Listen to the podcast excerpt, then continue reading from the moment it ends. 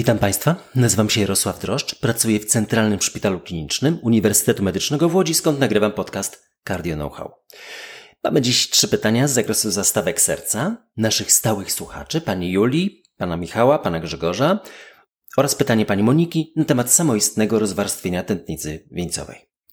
Rozpoczniemy od tego ostatniego tematu. Istotnie to jest niezwykle frapujący temat i otwarte pytanie, dlaczego u młodych kobiet dochodzi do pęknięcia błony wewnętrznej tętnic? Nie tylko przecież wieńcowych, ale także tętnic nerkowych, innych, mózgowych przede wszystkim. Bo zrozumiałe jest dla mnie tylko to, że jeżeli krew dostanie się pomiędzy warstwy ściany tętnicy wieńcowej, każdej innej zresztą tak samo, a orty również, to tworząc krwiak śródścienny, zamyka światło, naczynia i zatrzymuje przepływ. Powoduje to niedokrwienie i zawał serca. Tu jest jasne. Oczywiście zawał nerki czy udar. Natomiast dlaczego tak się dzieje, że niektóre osoby mają to schorzenie, a niektóre nie, jest pytaniem otwartym. Pan profesor Andrzej Januszewicz, krajowy ekspert w tym temacie, podczas ostatniego wykładu w Łodzi w CKD na konferencji organizowanej przez pana doktora Jana Krekorę w pięknych czasach przedpandemicznych omawiał szczegółowo to zagadnienie. A zaczął wówczas wykład od zwrócenia uwagi na fakt, że niemal wszystkie choroby układu krążenia są nam znane od wielu dekad. Rozwijamy jedynie wiedzę na temat ich patogenezy, rozpoznawania, leczenia, rokowania, optymalizujemy nasze ścieżki diagnostyczne i lecznicze. Pojęcie spontanicznej dyssekcji tętnic pojawiło się w tym stuleciu. Tak uważa większość badaczy, to nie jest prawda. Zatem bardzo niedawno. I ze znanych mi chorób serca jest to bodaj choroba najmłodsza. Ale Studiując literaturę, zwróciłem na to uwagę, że opis spontanicznej dyssekcji tętnicy wieńcowej pochodzi z kliniki kardiologii z Essen. To może rzeczywiście Państwu wydawać się niezwykłe, ale w latach 1993-94 pracowałem w tej klinice u pana profesora Raimunda Erbla, gdzie wcześniej przebywał Peter Carney. On wyjechał, jak ja przyjechałem, łącznie z Pepe Zamorano. E, Pepe chyba jeszcze później, ale, ale Peter wyjechał wcześniej a później przyjechał David Walbridge, wielu badaczy przede wszystkim z Włoch, no a na stałe pracował tam Jumbo Ge, który po znanych wypadkach 91-92 trafił do Niemiec i przed 20 laty y, wrócił do Szanghaju. Przyjaźnie się z Jumbo do dziś. Ostatni raz widzieliśmy się w Filadelfii tuż przed pandemią w listopadzie 2020 roku. I ci znakomici naukowcy opublikowali w 1994 roku pracę, gdzie opisali spontaniczną dyssekcję tętnicy wieńcowej, nie wiedząc jeszcze, że otwierają nowy rozdział wiedzy kardiologicznej, no i tworząc również nazwę dla tej choroby. Kolejne publikacje już były w tym stuleciu i wyjaśniały kolejne elementy patogenezy, czy próbowały to wyjaśnić, ale do dziś wiele jeszcze pozostaje przed nami ukryte. Istnieje wiele artykułów, ale głównie opisują one jedyne pojedyncze bądź serię przypadków klinicznych. Pytanie dlaczego pozostaje bez odpowiedzi. Obraz kliniczny jest, jak Państwo wiecie, tożsamy z obrazem zawału serca. Nietypowy jest tylko pacjent. Aż 90% to młode kobiety w wieku lat około 50. Przypomnieć to może nieco niektórym kardiomiopatię Takotsubo, ale nie ma tu raczej takiego związku ze stresem. No i co najważniejsze, w koronarografii widoczna jest zamknięta tętnica wieńcowa w spontanicznym rozwarstwieniu, podczas gdy w kardiomiopatii Takotsubo tętnice pozostają bez zwężeń. Leczenie naturalne, interwencja wieńcowa z implantacją stentu, a następnie klasyczna farmakoterapia z uwzględnieniem inhibitorów konwertazy, beta-adrenolityków, leków przeciwpłytkowych. W dalszym postępowaniu pacjenci wymagają diagnostyki pozostałych tętnic w poszukiwaniu innych lokalizacji zmian i to jest, to stanowi różnicę w stosunku do zawału serca. Często ta choroba kojarzy się z dysplazją włóknisto-mięśniową, bądź raczej nawet bardziej stętniakami tętnic mózgowych i nerkowych. Mnie natomiast ta choroba kojarzy się z nieco innym podejściem, czy ja reprezentuję nieco inne podejście. Oczywiście fascynuję się bardzo rzadkimi schorzeniami, ale marzę o tym, żeby zwrócić się w ich kierunku dopiero wtedy, kiedy uporamy się z tymi zasadniczymi chorobami układu krążenia. No, zejdzie nam jeszcze trochę czasu. Ta publikacja Harmony Reynolds, którą omawialiśmy w lutym bieżącego roku w epizodzie czwartym, jest najlepszym odzwierciedleniem mojego spojrzenia na to zagadnienie. Otóż odwracamy sytuację. Studiujemy kobiety, które mają zawał serca, a nie mają zwężeń w tętnic wieńcowych.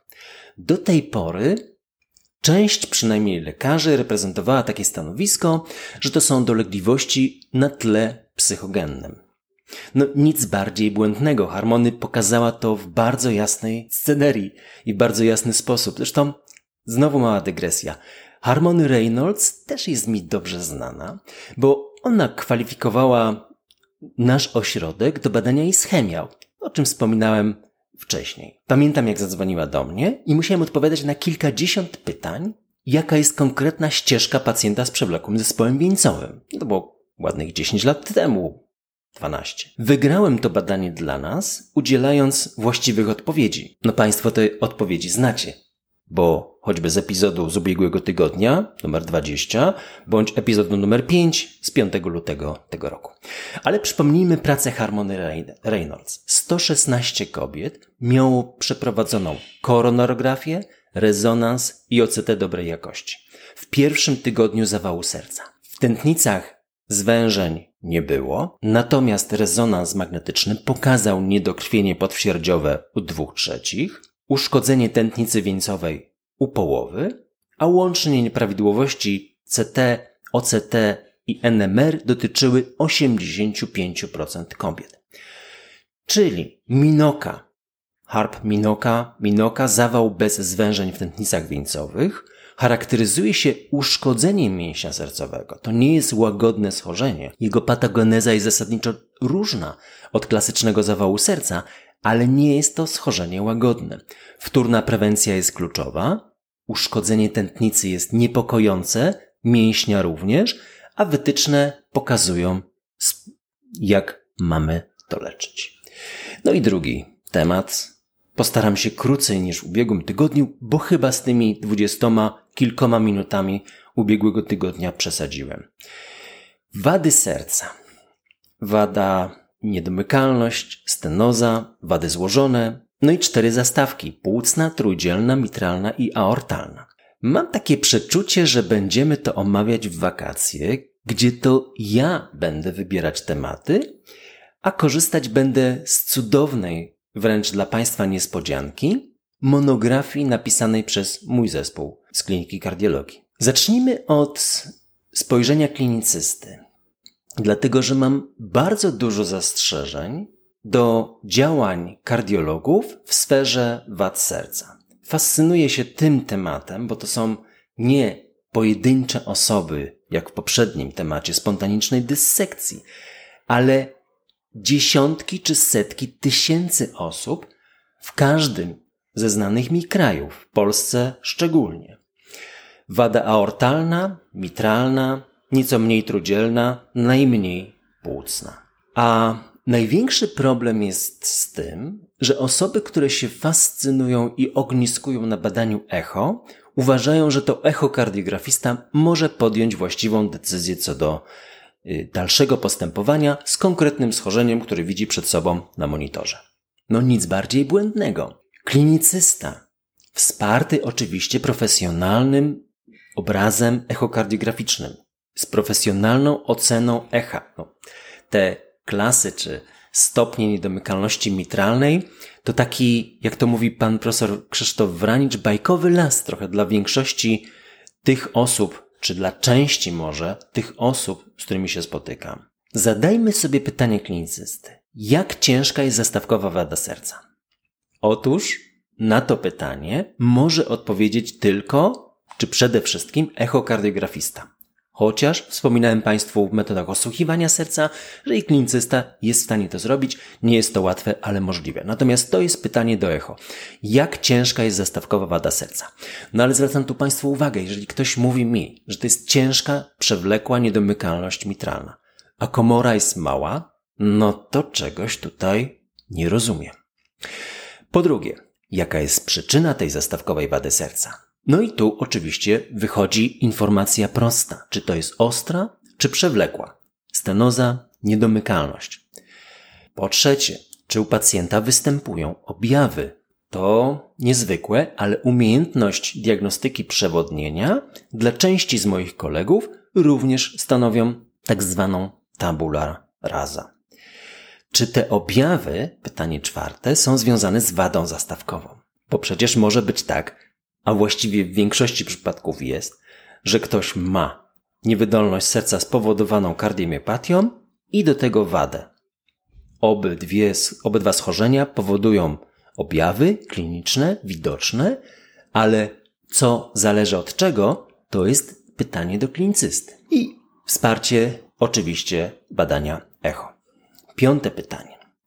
Czy u bezobjawowych pacjentów obecne są jakiekolwiek oznaki wskazujące na gorsze rokowanie w przypadku odwlekania interwencji? No taką klasyczną sytuacją jest stenoza aortalna.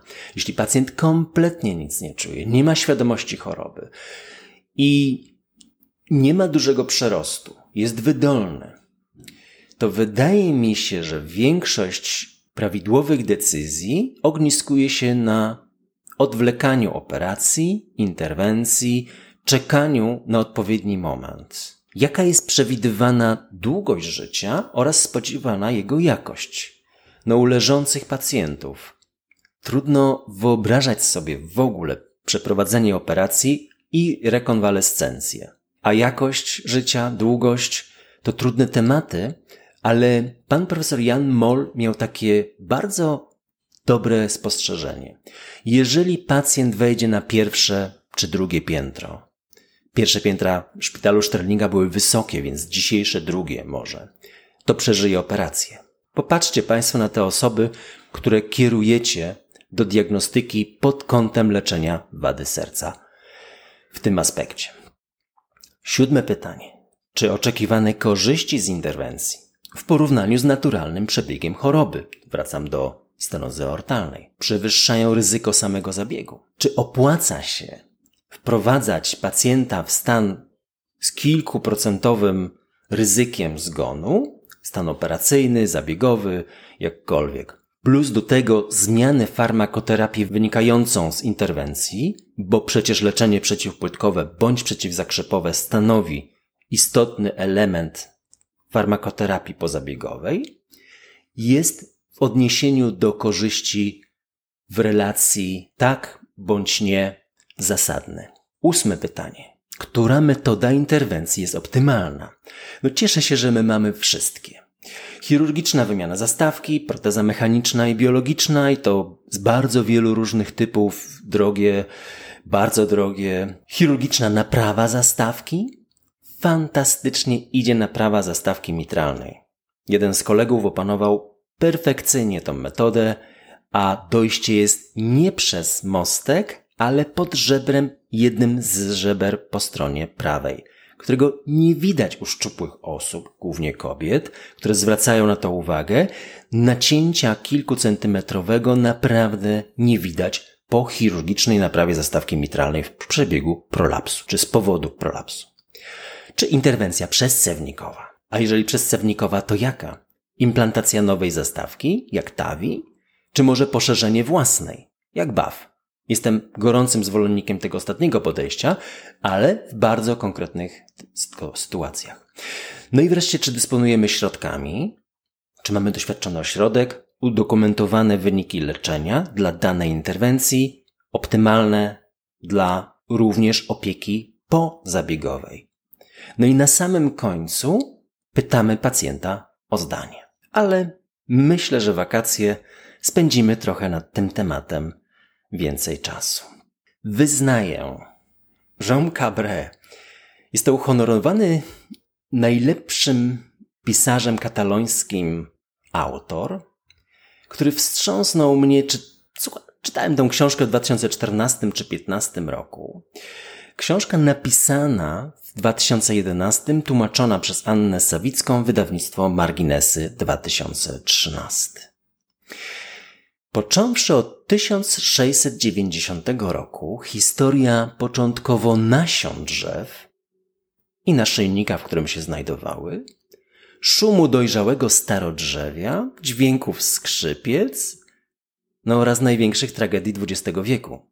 Meandruję nie zważając na ludzi będących w centrum tej powieści. Zapewniam, że jeżeli ktoś dotrze kilkaset stron, fantastyczna przygoda, ale niełatwo. Jeżeli ktoś dotrze do słowa w języku niemieckim warum, poczujecie Państwo ciarki na plecach. To będzie najlepsze podsumowanie XX wieku. Proszę zapamiętać każdy szczegół czytając. Znajdziecie Państwo do niego odniesienie nierzadko kilkaset stron dalej. I jeszcze niezwykła jedna rzecz związana z lekturą. W jednym zdaniu, zupełnie bez ostrzeżenia, znajdujemy się kilkaset lat wcześniej czy później. Ale satysfakcja czytelnika wynikająca ze zorientowania się w tej dynamicznej sytuacji jest nie do opisania. No tłumaczenie tej wielowarstwowej powieści było nie lada wyzwaniem. Szanowni Państwo, dzisiaj krócej. Jeżeli Państwo będziecie mieli jakieś uwagi, komentarze, pytania, kierujcie na media społecznościowe. W wakacje ja ustalam tematy. Na tych mediach będziecie mieli Państwo też głosowanie na kolejne odcinki, ale to już we wrześniu, październiku. Mamy mnóstwo planów i wydaje mi się, że mamy też zapewnione środki, aby je zrealizować. I będę Państwu bardzo wdzięczny za promocję tego podcastu wśród lekarzy i komentarz, choćby jednym słowem, tak aby inni mogli nas znaleźć. Bardzo dziękuję.